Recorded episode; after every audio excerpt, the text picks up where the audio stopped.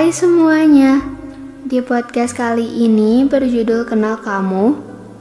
Kalian pernah gak sih ketemu seseorang yang kalian kira ya dia tuh satu-satunya, tapi ternyata semesta punya rencana lain.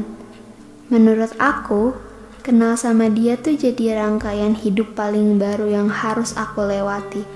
Dan menurutku juga, Menyayangi dia tuh jadi dunia baru yang harus aku lihat.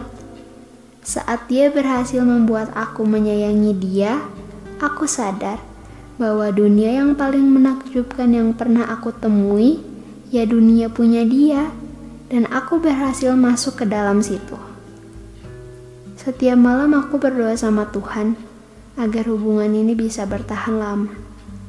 Dan aku bisa menikmati dunia ini bersama-sama bareng dia. Tapi ternyata semesta punya rencana lain.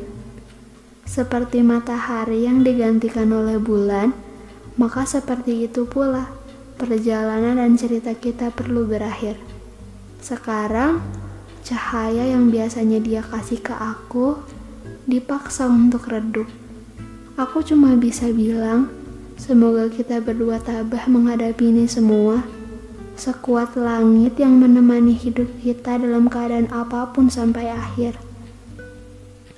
Aku gak pernah ngira ini terjadi, tapi nyatanya ini dipaksa untuk terjadi. Aku cuma bisa bilang makasih untuk semuanya, untuk semua perjalanan yang pernah kita lewati bareng-bareng. Semoga kita berdua bisa bahagia bersama-sama ya, walaupun kita gak bisa berdampingan lagi. Dadah.